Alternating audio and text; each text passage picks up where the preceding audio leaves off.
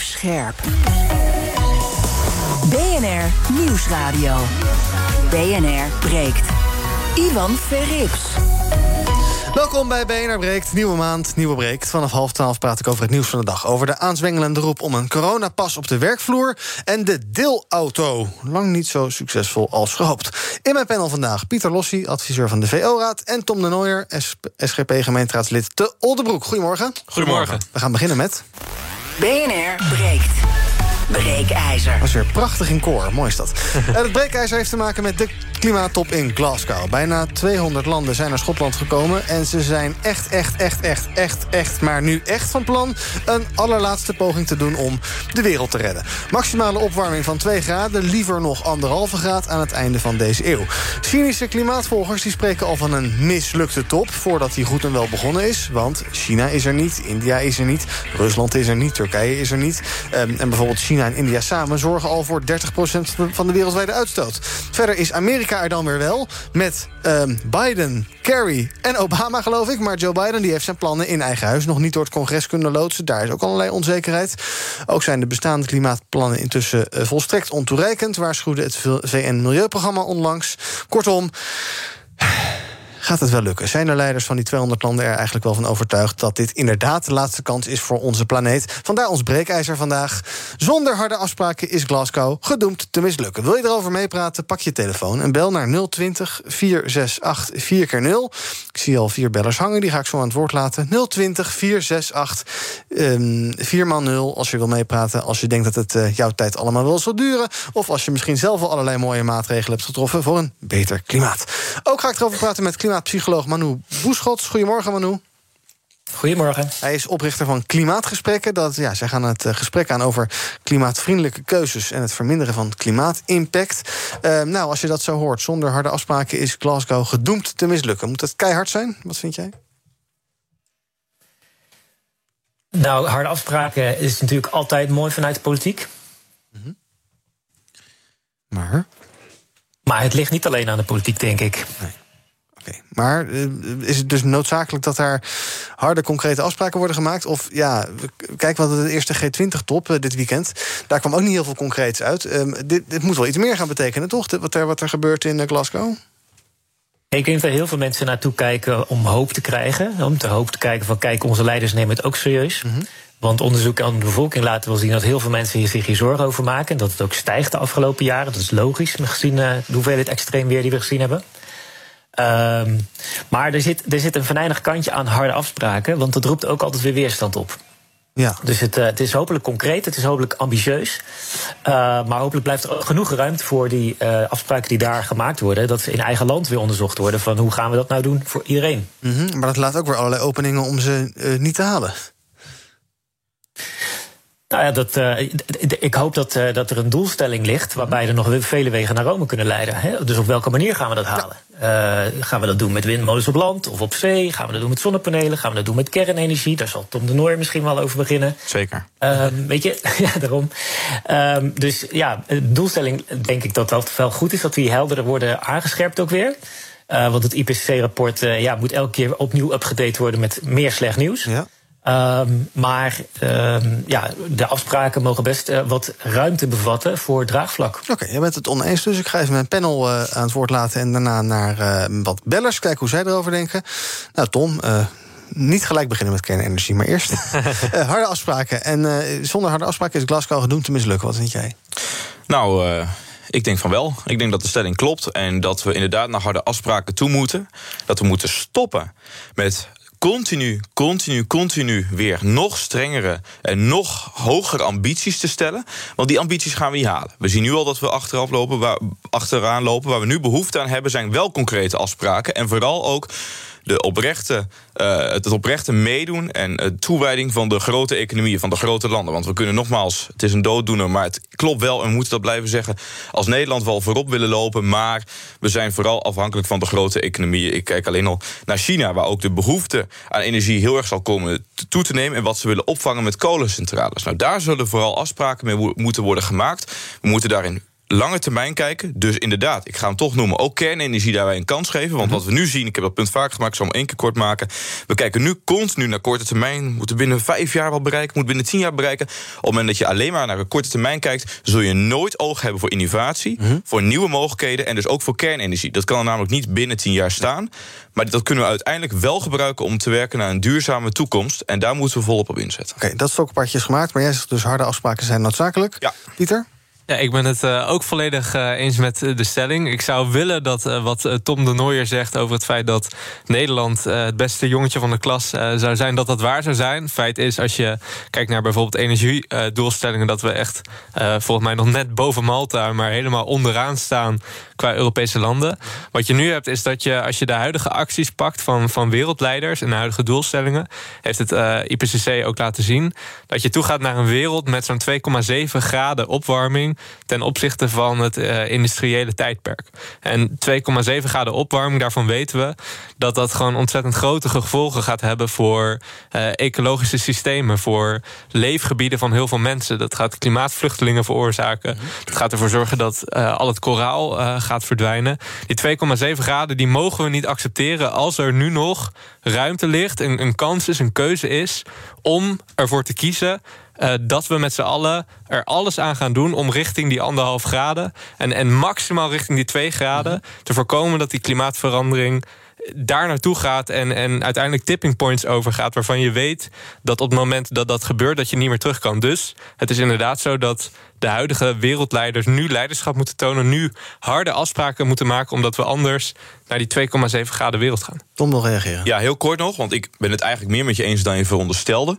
Want wat bedoel ik met beste jongetje? Daar bedoel ik inderdaad niet mee wat er nu gebeurt. Maar wat ik daar wel mee bedoel, zijn de ambities die we stellen. En die worden telkens hoger. En daarin wil Nederland heel graag voorop lopen. Dus ik ben het met je eens. In de praktijk, als je kijkt naar percentages, valt er van alles over te zeggen. Maar waar ik me zorgen om maak, zijn dat we keer op keer op keer vanuit Nederland en dan weer met de EU en dan weer VN elkaar overtoepen om de mooiste ambities te stellen. Maar ondertussen is het niet haalbaar, niet betaalbaar. Nemen we niemand daarin echt mee en heeft, is er dus geen draagvlak voor. En dat ondermijnt juist het hele, uh, de hele bereidheid om hier daadwerkelijk wat aan te doen. Dus nogmaals, niet elke keer weer vandaag... nou, dan moeten we, we gaan weer een paar procent erbij uh, opgooien... wat we willen reduceren aan CO2 in dat jaar. Nee, concrete toezegging van grote economieën. Want dan, hou je de, dan prijs je jezelf ook de markt niet uit... als je als Nederland wat gaat doen. En dus concrete afspraken maken, want dat helpt. En op een haalbaar niveau. Dus we gaan wat bellers aan het woord laten. Wesley, goedemorgen. Goedemorgen. Zeg het maar. Um, nou, ik denk, ik denk dat de, de, de discussie iets anders uh, gevoerd moet worden. En dat, dat mis ik de, de laatste tijd wel. Uh uh, ik merk dat de VVD en CDA ook aardig zijn opgeschoven. Die waren eerst wat kritischer. Um, maar um, ik, ik mis een beetje de, de nuance in de wetenschap. Er zijn ook wetenschappers die dus nog steeds vraagtekens stellen bij de invloed van de mens. En, en hoe groot die invloed dan, dan is op de klimaatverandering. Hè. Dat de klimaat verandert, dat, dat staat vast. Daar gaan we ook een discussie over voeren, denk ik. maar ik merk inderdaad, en dat hoor ik net ook in het panel, uh, dat, het, dat, het, dat het steeds verder gaan is. Hè. De beste jongens van de klas zijn, steeds verder gaan. Kijk, niemand is tegen schonere vorm van energie. En, en kijken of er alternatief voor gevonden kunnen worden. Um, heel vreemd vind ik dan wel dat inderdaad kernenergie nog steeds vrij discutabel is, vooral bij de linkse partijen. Um, maar uiteindelijk moet je, moet je gezamenlijk een resultaat kunnen bereiken waar een bepaald draagvlak gevonden gaat worden. Um, en inderdaad, hè, kijk vooral links en rechts. Politiek rechts inderdaad is, is, is zwaar tegen, politiek links is zwaar voor. Je zult ergens een nuance moeten gaan vinden om ook draagvlak te krijgen in de bevolking. En, en ik, ik, in mijn begrijp een beetje het gevoel dat um, de drang om het op deze manier aan te pakken, juist heel veel mensen uh, uh, dat een twijfel gaat, gaat opleveren. Ja. Door de, de drang en de dwang, hoe dat, hoe, dat, hoe dat nu gaat. In plaats van inderdaad de nuance zoeken en kijken hoe iedereen mee, mee gaat krijgen in dit ja, verhaal. Duidelijk, uh, meer draagvlak dus creëren en misschien niet al te extremistisch zijn. En ik geloof dat het IPCC wel redelijk met veel zekerheid stelt dat de mens daar toch wel voor verantwoordelijk is. Maar ehm, daar mag je anders over denken, uiteraard. André, goedemorgen. Hey, goedemorgen. Zeg het maar. Hey, luister eens. Ik heb uh, net even contact gehad met een van jullie mensen. Oh. Ik heb heel eerlijk gezegd, gewoon keihard en eerlijk. Al douwen we al het geld wat er bestaat in deze hele wereld in die milieu, dus om te proberen om de zaak te beschermen, mm -hmm. redden we het niet meer. Nee, we zijn gewoon te laat, dus. Ja, dus jij, te laat. Dus jij zegt stop maar met al die conferenties en VN-toppen en al dat geouwe Het is afgelopen, Dus, mensen. dus, dus je, kunnen gaat, stoppen. je gaat eraan, André? Ja, dat maakt mij niet uit. Maar dat heb ik gewoon gezien. Ik ben 62 en eh, ik geef weer... tot duur. Nee, maar wij, wij, hey, vanaf 1959 tot en met nu hebben wij ook geholpen om de wereld naar de kloten te helpen. Ja. We rijden ook auto. We doen ook met alles eh, wat, wat God heeft verboden. Ja, toch? Ja, nee, duidelijk. Maar eh, dan ga ik het toch even voorleggen aan Manu, want jij bent ook een klimaatpsycholoog. Ja, wat heb jij Ja. tegen André te zeggen? Eh, de, André is niet heel positief. Ja, het is, eh, het is inderdaad een stukje psychologie. Hè. Is het glas half vol of is het half leeg? Eh, kijk, ik heb ook al een keer met Helga van Leur gesproken. Die is natuurlijk ook uitstekend op de hoogte van hoe het klimaat eraan toe gaat. Maar zij zegt van ja, niemand heeft er wat aan om Pietje paniek te zijn. Eh, het is waar dat er steeds meer stormen komen, droogte, et cetera. Het hele doemrijtje. Maar tegelijkertijd is de mens ontzettend goed in, eh, in innovatie en zich aanpassen. En eh, kunnen we nog steeds eh, ook ervoor kiezen om er het beste van te maken. We hebben een prachtige wereld gekregen. Die wordt misschien wat lastiger. Maar ik zou dan toch tegen André willen zeggen: van ja, wat kun je er nog voor moois van maken op het moment dat het een keer droger of heter of wat dan ook is? Ja. Uh, daar zijn natuurlijk nog heel veel mogelijkheden. Ja, duidelijk. Felix, goedemorgen. Felix? Ja, goedemorgen. Hallo, zeg het maar. Ja, sorry. Eh, nou, we hebben geen eh, wereldwijde harde afspraken nodig. eh, omdat we het eigenlijk in de Europese Unie in eigen hand hebben. In welke zin? En dat komt omdat wij, wij kunnen vanuit Europa eigenlijk heel goed bepalen eh, welke producten we hier eh, willen importeren. We kunnen aan de grens van Europa een stevige CO2-heffing eh, doorvoeren. En eigenlijk, dus alle, alle nadruk die er wordt gelegd op het vervuilen van China, vind ik, vind ik helemaal niet terecht. Want ehm, wij kopen producten, wij zijn de vervuilers. Ja. Niet zozeer de Chinezen. Op het moment dat wij tegen, eh, tegen China zeggen, wij willen alleen maar producten hebben die, eh, die schoon zijn geproduceerd, zal China veel sneller schoon gaan produceren, zonder dat er allerlei afspraken noodzakelijk over zijn over, over kolencentrales. Ja, maar dan sturen ze al die rotzooi toch naar eh, Indonesië, Afrika, weet ik veel waarheen. Maar die, die kopen het toch niet? Die hebben daar toch niet geld voor? Nee. Wij hebben het geld. Wij zijn de consumenten. Wij zijn uiteindelijk de vervuilers. Het is, het is fout om de schuld bij China te leggen. Mhm. En tegen Chi- China te zeggen van... jongens, wat vervuilen jullie? Nee, Nee. wij willen al die goedkope rotzooi van hun hebben. En vervuilen daarmee de wereld. Ja, nou dat wil ik ook even voorleggen aan Pieter. Want ik geloof dat Biden die geeft ook de schuld aan... eh, ja, China is er niet, Poetin is er niet. Ja, wat, eh, wat kan- was het dan bij de G20-top? Ja, eh, die, die geeft eigenlijk, ligt eigenlijk de schuld een beetje extern neer. Ja, en, en dat is makkelijk. Kijk, feit is wel dat ik Biden een punt geef dat het heel mooi zou zijn geweest als deze wereldleiders er nu wel bij waren. En dat ze een deel van hun verantwoordelijkheid niet nemen door deze weken daar niet bij te zijn. Maar er wordt wel een terecht punt gemaakt. Het feit dat wij als, als het eh, rijke Westen eh, allemaal eh, spullen eh, van Alibaba en, en, en van Wish eh, naar, naar, naar Oh ja. Nederland halen, eh, eh, geproduceerd, waarvan we weten dat het allemaal grondstoffen heeft gekost en dat het ook vaak gepaard gaat met eh, geen goede arbeidsomstandigheden. Ja, dan krijg je inderdaad dat er een verdienmodel zit voor China om, om die race to the bottom, om zo goed, goedkoop mogelijk producten te eh, produceren, om dat in stand te houden. En als je er inderdaad voor zorgt dat je bij de grenzen eh, een, een goede CO2 heffing eh, invoert, dan, dan maak je inderdaad ook dat je die economie op een eh, positieve wijze, zonder dat je dit internationaal allemaal hoeft te regelen, eh, ehm, verandert naar een meer duurzame markt. Ja. Tom, wat doe jij zelf eh, om het klimaat een beetje te helpen? Of denk jij van, joh, ik eh, moet maar vanuit Den Haag komen. Ik heb toch niet zoveel invloed als één pittertje op de hele wereld. Nou, dat is misschien wel waar. Maar de, wij, bij heel veel onderwerpen zeg je eh, als individu. Misschien maak ik niet per se het verschil, maar ik wil wel het goede voorbeeld geven. En eh, dat is volgens mij ook belangrijk in deze discussie. Mensen kunnen gezonde en goedkope, eh, maar ook eh, duurzame keuzes maken. Ehm, eh, zelf, laat ik even op mezelf kijken. Nou, ik gebruik heel veel het OV. Ik, gebruik, ik reis eigenlijk niet per auto. Ik kies ook bewust voor. Ik krijg wel eens, die- laat ik maar eens even persoonlijk maken. Ik krijg wel eens de opmerking van Tom, waarom koop je geen, eh, eh, geen eigen autootje? Is toch makkelijk? Woon in de provincie. Eh, niet overal is goede OV. Maar nou ja, mijn, mijn moeder heeft een, eh, heeft een auto. En daar kan ik af en toe ook gebruik van maken als ik het niet met OV rijd. En verder doe ik het gewoon wel met OV. Ik ben ook student, dus dat is gratis. Dus dat is ook een extra voordeel. Maar daarin kies ik er wel ook bewust voor om eh, geen extra eh, auto aan te schaffen. Ondanks dat ik die opmerking vaak krijg en het me ook wel gemak oplevert. Want ja, die auto van mijn moeder is niet altijd beschikbaar. Ja, en dan zit ik even met, ja, ik heb even geen auto. Maar toch kies ik er wel voor om dat, eh, om, om dat niet te doen. Dat is, geef ik eerlijk toe, niet alleen maar een duurzame overweging, maar het speelt wel mee. Ja, uh, Manu, dat wil ik ook al van jou voorleggen. Kijk, je kan natuurlijk al, zelf allemaal dingen doen. Hè? De tv echt uitzetten en je lamp uitdoen als je niet thuis bent. En uh, de verwarming uitdoen, dat soort zaken. Maar uh, op het grote plaatje maakt het niet zoveel zin... of ik in mijn huisje in Haarlem de verwarming aanzet of niet. hoe kan je nou mensen ja. stimuleren om daar, om daar toch iets aan te doen... en daar bewustzijn voor te kweken? Lijkt me best ingewikkeld. Nou, allereerst wil ik een misverstand uh, aan, uit de weg helpen. Namelijk dat dingen die je zelf doet, dat die alleen maar gaan over je eigen voetafdruk. Mm -hmm. uh, wij hebben het ook wel over de handafdruk. Je kunt ook dingen zelf doen die het gaat over het gesprek aangaan op je werk. Over uh, je buren betrekken bij een vegetarische buurtbarbecue. Nou, dus je kunt een heleboel dingen zelf doen om uh, systeemveranderingen, grotere veranderingen te, te, bevorderen. En eigenlijk ook, Tom, een mooi voorbeeld, als je met het OV gaat... Ja. je zit er niet alleen voor je eigen gemak... maar ook om die buslijnen op het platteland gewoon overeind te houden. Hè. Als, als meer mensen daarvoor kiezen, ja. dan heeft het uiteindelijk een collectief effect. Ja, net zoals belastingen, net zoals stemmen... Hè.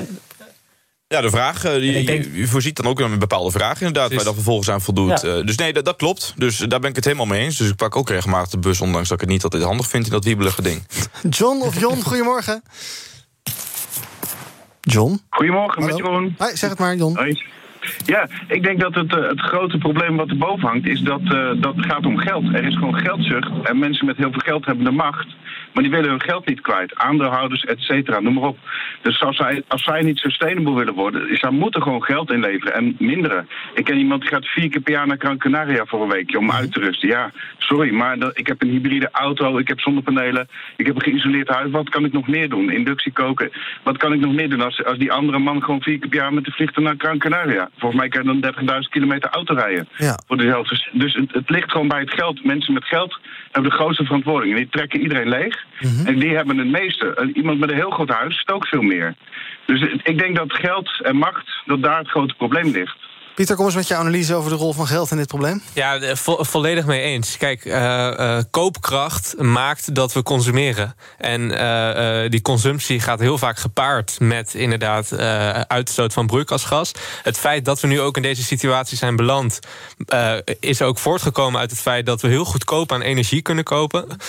dat is natuurlijk ook het argument vanuit minder rijke landen die zeggen: ja, waarom mogen wij nu niet meer broeikasgassen gaan uitstoten, omdat wij ook rijk willen worden? Uh, volgens mij is het ook, laten we zeggen, een punt voor, voor, voor de SGP. En volgens mij uh, zegt de SGP daar verstandige dingen. Dat op het moment dat je alleen maar toewerkt naar een, een materialistische en, en, een maatschappij gebaseerd op consumptie en economische groei, uh, dat je dan nooit met, met technologische innovatie en met allemaal doelstellingen uiteindelijk dat, dat punt gaat bereiken dat je als mens dichter bij de natuur, bij de essentie komt. En dat klinkt allemaal heel filosofisch, maar dat vereist wel een mentaliteitsverandering inderdaad. Ja, dat vind ik echt heel mooi dat je dat, uh, dat, je dat. Nee, dat ben ik serieus. Dat je dat zegt. Want dat, je kun, we kunnen het over politiek en beleid en voorstellen hebben. Maar dit is iets dat heeft betrekking op je eigen leefwijze voor ieder persoon. En nou ja, dat, dat zit bij de SGP oprecht heel erg diep. Dat is namelijk Calvinistische matigheid. En dat we niet alles maar materialistisch uh, bekijken. Ook met bijvoorbeeld met vliegen. Dan zie je die discussie ook terugkomen. Van, moet het dan het doel zijn dat we de mens voorzien in de, de, de, de meest uh, intrinsieke behoeftes en verlangens die ze geeft? Of en dat is bij ons, uh, speelt ook op hele veel andere fronten een rol. Dat je uh, zegt: nee, het is belangrijk dat je bepaalde driften, bepaalde verlangens uh, onderdrukt. Omdat er een bepaald belang aan zit. Dat kan zijn om, om zonde te onderdrukken, als je het even geestelijk maakt. Maar dat kan ook zijn omdat we de aarde niet moeten, te veel moeten uitputten. En ik vind het mooi dat, nou ja, ik, ik weet dat jij op een andere partij stemt, maar dat die gedeelde notie, die misschien ja. bij ons het Calvinisme komt, hm. ook bij jou terug te, te, te, vinden is. En dat we elkaar daar vinden. Want ik Zeker. denk dat dat echt kan bijdragen dat, dat je daar een winst kunt behalen die je niet zomaar in de procenten en de beleid en de, de voorstellen kunt halen. Dus dat vind ik een mooi. En jullie gaan dus allebei niet voor 35 euro naar Gran Canaria op en neer? Zeker niet. Dat heb ik ook nee. nog nooit gedaan. Nee. Maar nu, wat zou er nou in Glasgow beslist moeten worden om het klimaat uh, echt te redden, voor zover dat kan? Maar wat, wat, wat is daar nou nodig? Nou, wat een keer verfrissend zou zijn, is als de leiders in Glasgow niet het hebben over uh, doelstellingen in 2050 of 2,7 graden of wat dan ook. Maar ook gewoon over hoe de wereld er mooier van wordt als wij uh, klimaatbeleid versterken. Uh, he, dus de, gezonder eten, gezonder leven, goedkopere, schonere energie. Uh, spullen die langer meegaan. Ik, ik weet zeker dat er heel veel luisteraars zijn die het ook zouden zien zitten als hun laptop gewoon uh, vijf jaar of tien jaar meegaat en niet uit de mode raakt of niet door een update niet meer kan werken. Mm -hmm. Ehm, ik denk dat het klimaatbeleid veel meer daar moet over gaan. In plaats van een technische discussie over een langetermijn discussie. Over hoe het ons leven beter maakt. Nog een paar bellers tot slot. Um, Diederik, goedemorgen. Goedemorgen. Zeg het maar. Uh, jou een beetje mis in de discussie naar energie is natuurlijk machtspolitiek. Uh, vandaar dat ja, die Saoedi's die journalisten worden en iedereen kan gewoon nog vrolijk uh, langskomen. Um, en op het moment dat je het uh, zou willen oplossen, de Duitsers die hebben wel eens aangerekend in 2005. Uh, met 0,3% van de Sahara heeft genoeg zonnepanelen om de Europese energievoorziening te voldoen. Mm -hmm. Nou, doordat uh, panelen goedkoop zijn geworden, efficiënter, zit je nu voor ongeveer hetzelfde bedrag, 400 miljard, zou je de hele wereld kunnen voorzien. Mm -hmm. maar dan zit je met het probleem dat als je daar al die energie hebt, dat je daar dan ook die macht geconstateerd hebt. He, dus als de discussie gaat over, nou ja, hoe kunnen wij onze macht handhaven, terwijl we ook inderdaad nog voldoende energie hebben, uh, dan zou dat eigenlijk de discussie moeten zijn. En ik heb er ook wel eens aan gerekend aan hoeveel CO2 we nou hebben uitgestoten als mensheid. En dat is vrijwel verwaarloosbaar. En als je ook kijkt in die rapporten van de IPCC, daar zie je ook helemaal niks terugkomen over de invloed van de zon of over stand van de aarde of dat soort dingen. Er is maar één grafiek, CO2 en temperatuur. En gelukkig zegt het KNMI daar wel wat over. Die zegt dat minstens 0,6 graden uh, is veroorzaakt door de stijging of de uh, meer activiteit van de zon. Mm -hmm. Dus dat is wel positief. Uh, maar als dus een rapport zeg maar, dat soort dingen uitsluit, dus niet de meest belangrijke invloeden noemen, nou ja, machtspolitiek en natuurlijk de zon die alles regelt op aarde, dan heb je ja, hoe belangrijk is zo'n rapport en waar heb je het dan met z'n allen over? Ja, de, de, verbinding is wat slecht, dus ik ga hem hier even afkappen. Maar uh, dank voor je reactie. En tot slot van dit half uur. Uh, Frodo, goedemorgen. Hey, goedemorgen, uh, mannen. Uh, ik kreeg net een heel warm gevoel bij uh, de conclusies van Ton de Nooijer en mede-panelist. Ja, Pieter, precies. Nee, maar zolang die uh, conferenties en die top worden gehouden over percentages, uh, jullie moeten zoveel doen, en, en, China is er niet, maar dan, dan wordt het niks. Het zal niks worden, want het gaat om één kern. Dat is namelijk het gebruik per persoon. Hm. Dat werd net ook al goed besproken. Zolang wij zelf niet worden aangesproken, Uh, ja, dan, dan wordt het een soort politieke top. Ja. Met, met abstracte ja, heen en weer schuiven en duwen. Van jullie moeten zoveel, jullie voldoen daar niet aan. Het, het gaat om dus gebruik per persoon. Dat moet naar beneden. En daar moeten bepaalde normen voor af. En dat doet pijn, maar ja, de, uiteindelijk zullen we die kant op gaan. Ja. Maar voorlopig wordt daar omheen ge, ja, gebreid, zullen we zeggen. Ja, genoeg handvatten om mee aan de slag te gaan in Glasgow, denk ik in ieder geval. Dankjewel, Frodo. En ook uh, dank Manu Buschots, oprichter van Klimaatgesprekken. En hij gaat dus met, uh, ik zou bijna zeggen, Jan en Alleman in gesprek... over hoe je nou je eigen klimaatvoetafdruk wat kan verkleinen... als je dat zou willen. En uh, zometeen praat ik verder in BNR Breekt over het nieuws van de dag... over het coronabewijs op de werkvloer, de deelauto die niet bepaald een succes is en... Wat moeten we doen om voor eens en voor altijd van overlast van hooligans af te komen? Zometeen in het tweede deel van BNR Breekt. Tot zo. Bij BNR ben je altijd als eerste op de hoogte van het laatste nieuws. Luister dagelijks live via internet. Jelle Maasbach, Wesley Weerts. We zijn er voor je met het leukste, opvallendste, maar natuurlijk ook het belangrijkste nieuws. Tijdens de presentatie van die halfjaarcijfers toen die beurskoers in elkaar kukkelde. BNR Beurs. Voor de slimme belegger. Blijf scherp en mis niets. Blijf scherp. BNR Nieuwsradio. BNR breekt. Ivan Verrips. Welkom terug bij BNR Breekt. In mijn panel vandaag Tom de Nooijer, SGP-gemeenteraadslid... en dat doet hij in Oldenbroek om precies te zijn. En Pieter Lossi, adviseur van de VO-raad. We gaan praten, zoals altijd in het tweede half uur van BNR Breekt... over het nieuws van de dag. Te beginnen met het coronavirus. Morgen komt er weer een persconferentie. Wat bleek uh, gisteren? Um, Hubert Bruls, de voorzitter van het Veiligheidsberaad, de Club van Veiligheidsregio's, vindt dat het voor werkgevers mogelijk moet worden om hun personeel naar het corona-toegangsbewijs te vragen. Hij ziet uh, de wetswijziging die daarvoor nodig is liever vandaag dan morgen in gang gezet, zei hij bij Buitenhof. En daar horen we nu een quoteje van, als het goed is, maar dat als we nu al met flink oplopende besmettingen hebben... en dat vertragingseffect van die twee weken... voordat het echt ook uh, de nood aan de man uh, in de, de zorginstellingen komt... ja, dan moet je die wetswijziging eerder vandaag dan morgen nog in gang zetten. Ja, Bruls vindt dat dat heel erg nodig is. Ik denk dat ik al weet eh, wat jij ervan vindt, Tom. Maar ik ga het toch vragen. Bruls zegt van ja, op dit moment weegt de volksgezondheid zwaarder dan de mening van ieder individu. En dat kunnen we ons nu niet permitteren. Dus eh, ja, voor de veiligheid toch maar even op kantoor je, eh, je QR-code laten zien, zodat iedereen veilig is. Ja, volslagen idioot. Ik, kan ik heb er echt geen andere woorden voor. Ehm, je ziet ook dat het steeds verder gaat. Als je die trend waarneemt met je digitale identificatie om ergens naartoe te kunnen. Ik was al zeer tegen die QR-code voor een kopje koffie drinken in een restaurant. Ik vind het echt belachelijk. Ook omdat het een vorm van schijnveiligheid is. Daar zijn heel veel argumenten voor. En die zijn bij de meeste mensen ook wel bekend, gelukkig. Maar dat het nu, en dat is ook de kritiek van het FNV, dus ik sta daarin niet alleen. Ik heb ook linkse medestanders voor dit argument. Die zeggen: ja, maar je werk is, gaat nog veel verder. Want dat is een plek waar je verplicht moet zijn. Een restaurant kun je eventueel, ben ik het niet mee eens, maar kun je eventueel links laten liggen, dus dat is minder erg. Maar dat het zelfs voor werk gaat gelden, ja, dat is krankzinnig. En ook de, ehm, ehm, dat zie je ook in het Europees Parlement. Daar moeten medewerkers, een Europarlementariërs, kunnen pas het gebouw in als ze zich laten testen of als ze mhm. gevaccineerd zijn of een herstelbewijs hebben. Nou, ik ken heel veel medewerkers die niet uh, gevaccineerd zijn. En die moeten dus elke dag zich laten testen in het huis van de democratie daar. Voor zover er al een democratie is in het Europees Parlement. En dan voeg ik nog één ding aan toe. En dan dat maakt het des te ernstiger. Namelijk dat er gesproken wordt. Mona Keizer heeft ons daar al voor gewaarschuwd in haar afscheidsbrief. Dat we toegaan naar een 2G-systeem. Dus als wij ons moeten identificeren zometeen op werk.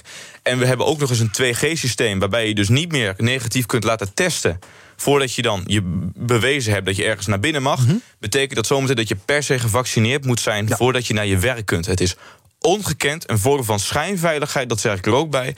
En nou ja, het feit dat Hubert Bruls daar, zo over spreekt... geeft echt aan dat hij totaal niet begrijpt wat er leeft. En het is een soort van polarisatie. En vele mensen zullen zich echt keihard gaan afkeren van de overheid... die met zulke maatregelen komen. Ik heb het idee dat Tom tegen is. Dat, krijg, krijg ik zo het gevoel, Pieter, hoe sta jij erin? Nou, ik, ik vind die laatste zin van Tom wel uh, verstandig. Uh, dat nog meer mensen zich gaan afkeren tegen de overheid. Mhm.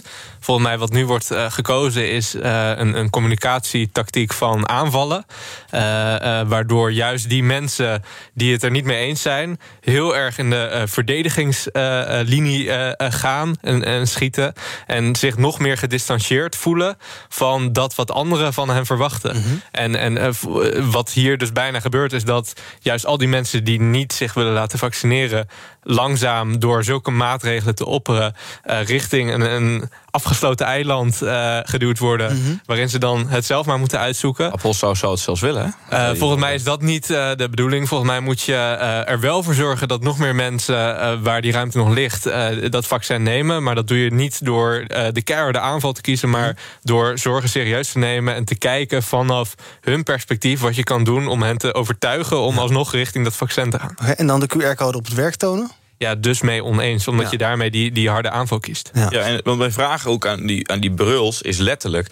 we hebben net het quoteje van hem gehoord... dat het, volksgezondheid nu belangrijker is dan een persoonlijke mening. Maar als dat nu je uitgangspunt is, als je, als je dat nou aanhoudt... als dat zijn lijn is, denk je nou werkelijk... dat je mhm. daar nog mensen mee gaat overtuigen? Dat die denken van, oh, nou, nou ik had zorgen en die zijn nu wel eens even weggenomen door bruls. bruls ja. Ik snap het echt niet. je dwingt mensen, dat is het enige voordeel vanuit de volksgezondheid tussen aanhalingstekens... wat je hiermee creëert, is mhm. dat je mensen dus al dwingt eigenlijk tot een vaccin... maar je overtuigt niemand. En denk maar niet dat de overheid... en dat we dan gaan we zo meteen lopen janken... dat we weinig vertrouwen hebben in de overheid... en in de Tweede Kamer en de regering... en die veiligheidsregio's. Terwijl dit hun voorstellen is, terwijl dit hun uitgangspunten zijn. Jullie noemen de FNV al even. Inderdaad, ze zijn tegen. Noemen het een schending van de grondrechten van werknemers. Um, hebben het over medische privacy. Werkgevers zouden vervolgens uh, naar die informatie willen ook gaan handelen. Hè. Je moet dan dus ja, aan je werkgever duidelijk maken of je ehm, ehm, een QR-code hebt of niet. En Kitty Jong van FNV gaat nog een stapje verder. We hebben het hier over grondrechten van werknemers. En meneer Bruls gaat tegenwoordig over een hoop dingen, maar niet daarover. Ja, is, is dit het probleem? Is, dit, is meneer Bruls een probleem? Ik hoor wel vaker dat mensen een beetje klaar zijn met meneer Bruls. Maar... Nou, het is een politieke discussie, dus het is uh, zijn goed recht om uh, dit te opperen. En het is ook uh, het goed recht van een deel van de samenleving om daar tegen te zijn. En volgens mij is het inderdaad zo dat we met z'n allen hebben afgesproken afgesproken dat je bijvoorbeeld in sollicitatiegesprekken niet mag vragen naar zwangerschap. Mhm. je niet uh, medische gegevens mag ophijzen. En daar valt dit ook onder. Dus wat dat betreft maakt FNV hier volgens mij een legitiem punt. Ja. Denk je dat het er uh, met jouw politiek instinct gaat dit er komen? Of waagt een Tweede Kamer zich daar echt niet aan? We hebben het in het verleden ook ja. gehad. Hè, dat we dachten van nou, dit gaan we nooit doen. QR-codes, dat gaan we niet doen. We zijn zo lekker nuchter in ons land. Nou, inmiddels heb je ze wel nodig. Ja. Dus als je nu een beetje je antenne uitsteekt, wat, wat voel je dan? Ja, misschien enigszins vergelijkbaar die avondklok natuurlijk. Ja, uh, voordat die werd ingevoerd, een paar maanden van tevoren, werd die discussie langzaam ook uh, op gang gezet. Ja, precies. Ja. En, en uiteindelijk kwam die er alsnog. Ik hoop dat in, in, het, in de ernst van de crisis, straks -hmm. als we weer een, een grote golf ingaan, dat dan het argument niet gaat worden vanuit de politiek. Oh, we hebben grondrechten, maar die kunnen nu ondergeschikt zijn, want we hebben een crisis. Mm -hmm. Maar dat ze juist zeggen, juist in, in ernstige crisistijden zijn, zijn die grondrechten fundamenteel. En moeten we juist er met z'n allen voor waken dat we die grondrechten behouden. Uh, en ik, en ik, ja, ik hoop dat er voldoende redelijkheid in die Kamer zit. En, en uh, voldoende ook um, staatsgezag en, en, staatsbesef om deze maatregel niet in te voeren. Ja. laten we hierop aansluiten. Even kijken naar alvast een eerste deeltje eigen nieuws. Dat sluit er namelijk een beetje bij aan, Tom. Um, het heeft te maken met. jij gaat citeren uit eigen werk. namelijk op Twitter spreek je hier ook over uit. En er komen reacties op binnen. Zoals, ja. uh, want jij hebt geloof ik uh, getweet, getweet, dat je niet gevaccineerd bent, hè? Of, uh, ja. of de, en, um, en dan komen de teksten als vuil, egoïstisch stuk christenhond. Hoe kan je jezelf christen noemen? Smerige ASO. Dat soort teksten. Het wordt er niet gezelliger op. Nee, en ik zou dat, wilde dat toch graag een keertje gezegd hebben. En ik vind dat echt een punt van zorg. Uh, we hebben pas Francisco van Jolen van Joop gehad... die bij Radio 1 zegt, fucking christen, ga maar lekker dood. Dat zijn zijn letterlijke uitspraken tegen ongevaccineerde Bijbelbelt christenen. Um, uh, en ik, had, ik zat bij Omroep Gelderland en ik probeerde een redelijk verhaal te houden... waarom ik niet gevaccineerd ben. Uh, dat ik vind dat als ik dan in het ziekenhuis kom... dat ik niet iemand dan daarover verantwoording moet mm -hmm. afleggen. Want dat, dat hoeft niemand, mijn instanties. De zorg is van iedereen. Kun je mee, zelfs daar kun je mee oneens mm -hmm. zijn... Maar volgens mij is het wel een, een, redelijk verhaal wat je zou moeten kunnen uiten. En waar je over in ieder geval inhoudelijk het gesprek aan mag gaan als je het niet met, niet met me eens bent. Maar de reacties die ik vervolgens krijg op Twitter van. Uh, nou ja, de, uh, Melkorf, Tom, asociale freerider. En uh, fariseer die vast en zeker door Jezus Christus uit de tempel gelaarzerd zou worden. nou ja, goed. Ik, ik, ik, ik, had nog van een bekende Twitter, ik zal zijn naam niet noemen. Maar die zei van hoe kan Christus kennen? Nou, dat gaat best diep voor mij. Mijn diepste identiteit mm -hmm. samengaan met een sociaal Darwinistische houding. Terwijl mm -hmm. dat helemaal niet is wat ik betoog. Mm -hmm. Daar heeft het helemaal niks mee te maken. Ja, en dan vind ik het echt heel triest dat ik allemaal dat soort reacties krijg. Ja. En het geeft volgens mij aan dat. Nou ja, mijn partijleider had het vorige week over. Uh, Kees van der Staaij over uh, zondebokpolitiek. Uh, en dat is volgens mij echt wat er aan de hand is. Ja. Mensen worden echt ter verantwoording geroepen. en worden als asociaal en onverantwoordelijk neergezet. Als zij andere keuzes maken. Terwijl er ook heel veel andere manieren zijn om rekening met elkaar te houden. Mm -hmm. Om ook de, de volksgezondheid serieus nemen. Afstand houden, zelftesten, allemaal dat soort zaken. En die worden helemaal vergeten met die fixatie op vaccinatie. En het zorgt echt ervoor dat we nu een hele groep zo gigantisch aan het wegzetten zijn. Ik merk het nu zelf uh, met wat er over mij uh, heen komt... en dat ook mijn christelijke identiteit erbij wordt gehaald. En dat baart me echt zorgen over hoe we in dit land met elkaar omgaan. Want de grap is, de mensen die dit allemaal over me uitstorten... daar zie ik als ik op hun profiel klik vaak D60 of GroenLinks... of bij één of wat dan ook mm -hmm. staan. Dat waren volgens mij de partijen die altijd gingen voor verbinding, inclusie en samenleven. Uh, ja, ironischer kan het helaas niet. Ik zie inderdaad in jouw mentions veel, uh, ook veel begrip... maar dat zijn dan ook vaak ja. partijgenoten of mensen die er hetzelfde over denken. Maar dat is ook wel heel breed, hoor. Dus ik, maar dat is dus de polarisatie uh -huh. die, die het kamp wat het met me eens is... wat ja. gewoon zegt van, nou ja, dat moet je het inhoudelijk over kunnen hebben... al het niet eens Precies. met me eens. Dat kamp is heel groot en strijkt gelukkig veel verder dan de ja. SGP... maar heel veel andere partijen. Maar die agressieve, misschien is het een kleine minderheid... maar -huh. die agressieve groep die zo aanvalt... met Francisco van Jolen voorop... -huh. ja, dat, dat baart me zorgen, want dat zet de boel echt op scherp. En wat zeg je tegen mensen die op fatsoenlijke toon tegen jou zeggen... dat ze het asociaal vinden dat je niet gevaccineerd bent? Nou, dan zeg ik dus dat ik het niet met ze eens ben. Uh -huh. En dan kunnen we daar inhoudelijk het gesprek over aangaan. Maar dat doe ik niet, ik, dat doe ik niet met verwijten richting hun kant... en met scheldkanonades richting hun kant. En het enige wat ik vraag is dat ik dat ook niet naar mijn kant krijg... krijg en dat we gewoon inhoudelijk het gesprek ja. met elkaar aangaan. Pieter, waarom is dit debat zo gepolariseerd? Want als je je laat vaccineren, dan ben je een meeloper... en dan word je betaald door Pfizer en Bill Gates enzovoorts. Ja. En als je dat niet doet, dan ben je een asociale teringleier... die blijkbaar niks geeft om volksgezondheid. Ja. Um... Dus je kan het eigenlijk nooit goed doen. Nee, precies. En, en, en je wil natuurlijk als samenleving samenleving dat, dat iedereen zo eh, goed mogelijk meekomt. Uh, maar er zijn hier tegenstrijdige belangen. Uh, belangen inderdaad voor de volksgezondheid, waar sommige mensen heel hard voor strijden. maar ook belangen voor, voor grondrechten en lichamelijke integriteit. En dat botst en dat botst hard. En het fatsoen is daar volgens mij aan beide kanten vaak ver te zoeken. en volgens mij komen we zo niet dichter bij elkaar en gaan we niet uit die crisis komen. Dus een klein beetje van dat gevoel wat we aan het begin van deze coronacrisis mhm. hadden. Misschien hebben we dat juist ook weer nodig om eruit te komen. BNR breekt. Wat een verbindend programma is dit toch. Hoort er bijna naar van. Thomas van Zel van Zaken doen over verbinden gesproken. Welkom. Daar heeft dat toch weinig mee te maken? maar ja, prima over... bruggetje hoor, Ivan. Ja. Moet toch wat? Ja, ja, ja. We verbinden nu eigenlijk dit programma met het volgende. Kijk, dankjewel. Dat is om, voor, om 12 uur staat. Dat is even een minuutje of 13. Het is voor mij ook maandag. Laat me. Uh, wat ga je zo meteen doen? Praten met Jan de Ridder. Hij is de directeur van de Rekenkamer de Metropool Amsterdam. En uh, zoals in heel veel gemeenten is er ook een recordbedrag aan uh, steun uitgetrokken, bijvoorbeeld om ondernemers en burgers te helpen door de coronacrisis. De vraag is: is dat allemaal op een goede, ordentelijke manier verlopen? En kan de gemeentelijke begroting ook weer terug? En zo ja of zo nee, wat is dan de controlerende rol van de rekenkamer? Daar gaat het onder andere over. Uh, het economenpanel is er ook met veel aandacht voor uh, de laatste besluiten van centrale bankiers over inflatie, renteverhogingen, de klimaattop in Glasgow, uiteraard. En we hebben ook hoog bezoek van de autoriteit Consument en Markt, de bestuursvoorzitter Martijn Snoep, over over uh, hoe je ervoor kunt zorgen dat er heel veel biologisch aanbod is. Als je voor de schappen staat in de supermarkt, waarom kiezen consumenten dan niet voor het goede tussen haakjes, want ook daar kun je vast en zeker mhm. over discussiëren, alternatief. En wat is er voor nodig om de prijsverschillen tussen wat goed is en wat minder goed is, terug te laten lopen? is toch weer heel verbindend dus, hè? Autoriteit Consumentenmarkt, zeker weten. Goed zo. Over uh, 12 minuten in zaken doen. BNR breekt. Um, Pieter, dan maar even naar jouw eigen nieuws. Je wil een artikel uit het AD bespreken. Ja. Waarover? Ja, over uh, vijf organisaties die de handen in slaan. En dan kun je bijvoorbeeld denken aan uh, Jong Ondernemen. Uh, maar ook het Nederlands Debatinstituut is aangehaakt. En zij hebben een missie opgesteld, namelijk om kansenongelijkheid in Nederland aan te pakken.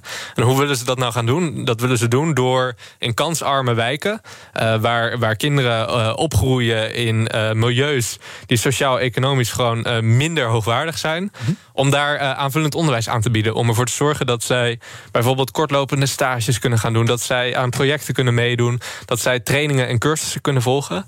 En dat vind ik echt, echt heel mooi en fantastisch nieuws. Omdat um, heel veel van deze jongeren met 1-0 achterstand uh, uh, beginnen.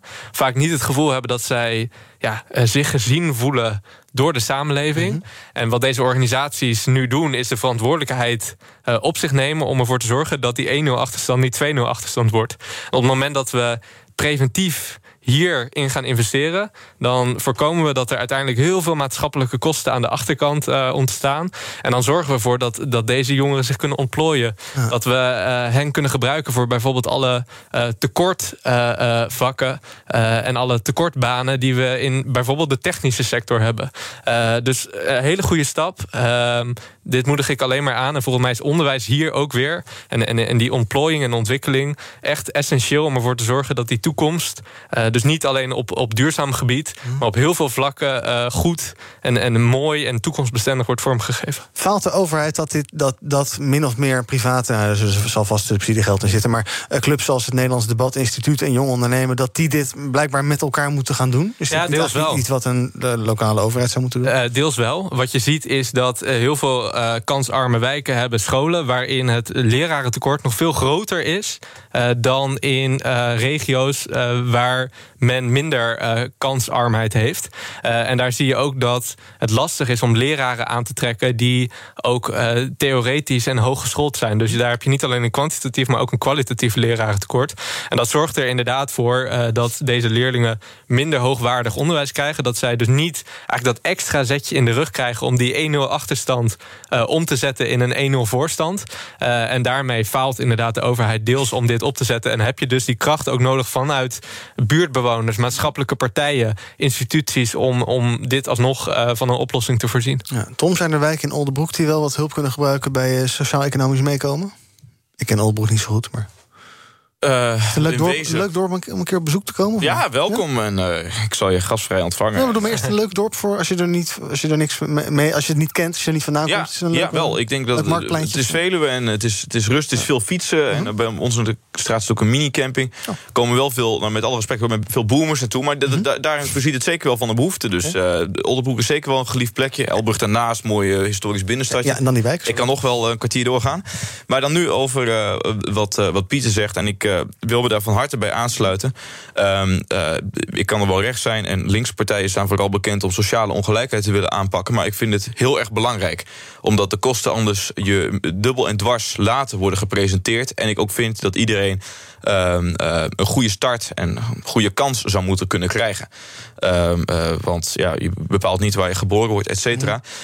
Um, en of het dan door de overheid gebeurt, of het gebeurt door het maatschappelijk middenveld, dat maakt mij dan nog eigenlijk niet zo heel erg veel uit als het maar gebeurt. En ik waardeer dan ook des te meer die mooie initiatieven die er zijn uh, vanuit de samenleving. En dat mensen zich groeperen en uitspreken. Niet helemaal hetzelfde, maar wel een vergelijkbare situatie is bijvoorbeeld uh, met de voedselbanken in Nederland. De vraag of dan de, de overheid daar juist heeft gefaald. Want de overheid zou het moeten doen. Of het is mooi dat de voedselbanken dit oppakken. Soms met, ik heb ook lokaal als gemeenteraadslid mee te maken, lo lokale subsidie. Dan vind ik juist ook, dan vind ik het niet per se een aanklacht tegen de overheid. Uh, maar vind ik het juist mooi dat het ook vanuit het maatschappelijk middenveld dan gebeurt. Al is er misschien een tekortkoming, vind ik het juist des te mooi hoe dat wordt opgevangen. Dat het niet, dan, dat, dan komt mijn rechtse inslag ook weer terug. Dat we niet alles proberen op dat de overheid het moet oplossen. Dat we de overheid zien als oplossing. Maar juist ook dat je ziet als er problemen worden waargenomen in de samenleving. en mensen verbinden zich en willen daar echt wat aan doen. kunnen er juist mooie dingen ontstaan. En daarom waardeer ik dit initiatief des te meer. We gaan kijken wat er trending is op de socials. Nou, veel corona wat de klok slaat. Veel mensen kijken uit of op tegen de persconferentie van morgenavond. Dat zie je in allerlei hashtags zoals coronapas, coronamaatregelen, vaccineren, persconferentie. Hashtag Bruls uiteraard. En ook doet hashtag klimaattop het goed op de socials. Veel mensen verbazen zich erover dat de vertegenwoordiging van de grootste vervuiler China er niet bij is. En ook Poetin is er niet bij. Doet het vertrouwen in de top niet heel veel goed. Dat hebben we al besproken begin van deze uitzending. Ik wil het tot slot uh, nog eventjes met jullie hebben over hooligans.